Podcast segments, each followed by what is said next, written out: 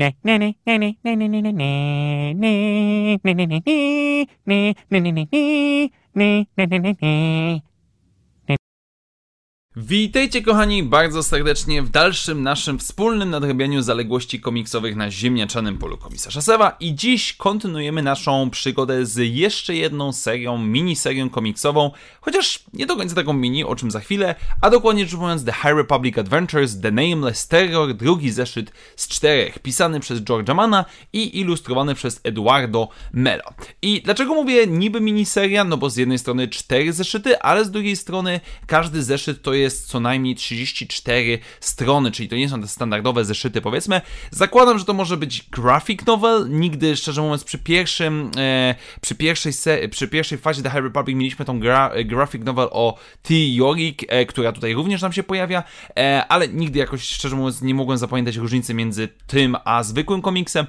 Mniejsza z tym, kontynuujemy naszą przygodę, gdzie Ty Yorick opowiada swojemu droidowi, asystentowi o przygodach rycerzy Jedi, którzy są uwięzieni na planecie po tym, jak ich statek został staranowany i spadł na powierzchnię planety wraz z statkiem e, Path of the Open Hand. No i okazuje się, że oczywiście e, na pokładzie tego statku są levery, leverery, czy też nameless, czyli te potworki, które są tak zabójcze dla rycerzy Jedi. I cały ten komiks kontynuuje z jednej strony przygody naszych bohaterów, którzy są podzieleni na dwa zespoły. Z jednej strony mamy mistrzyni Sule oraz Xinit, które Oczywiście są bardzo wy, wyczulone na działanie potworów i również to towarzyszy im Paco oraz Ambar, czyli dwójka ekipy z zespołu Pathfinderów, Nowej, e, nie Nowej Republiki, tylko Republiki.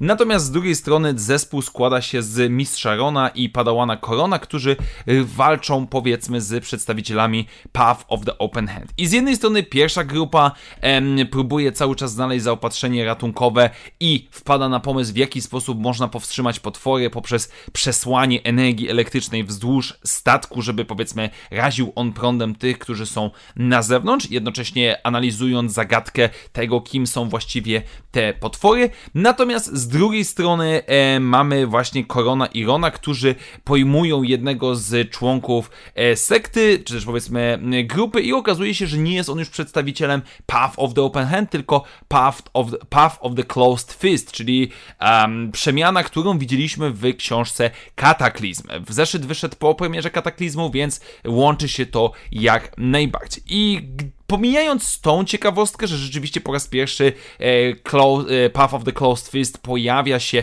w komiksach, mamy pokazanego samego, po, e, samego powiedzmy potwora w pewnym momencie, mamy pokazane jak on oddziałuje na rycerzy Jedi, ale poza tym mamy tak naprawdę nic specjalnego. Jeden zespół e, ukrywa się i próbuje przesłać energię elektryczną, żeby kopać prądem przeciwników, a drugi zespół próbuje dostać się z powrotem do statku tak szybko jak to możliwe, żeby potwór ich nie dorwał. I to jest tak naprawdę wszystko. Dlatego mówiłem, że z jednej strony niby jest to długie, ale z drugiej strony tak naprawdę wiele tutaj odkrywczego się nie dzieje. Nasi bohaterowie po raz kolejny w ramach całej tej drugiej fazy rozkminiają o co chodzi z bohaterami, a ja po raz kolejny zastanawiam się autentycznie, jak to wszystko zostanie załagodzone. Nieco więcej będę o tym mówił w recenzji książki Cataclysm, e, natomiast jednak z drugiej strony, no, ilość rycerzy Jedi, którzy zdają sobie sprawę, że jest taki potwór, że jest taka rasa, jest już naprawdę spora e, i to, że to jest takim wielkim sekretem w pierwszej fazie The High Republic, no to jest trochę zaskakujące. Zobaczymy, jak wyjdą z tego twórcy. Natomiast co do samego zeszytu,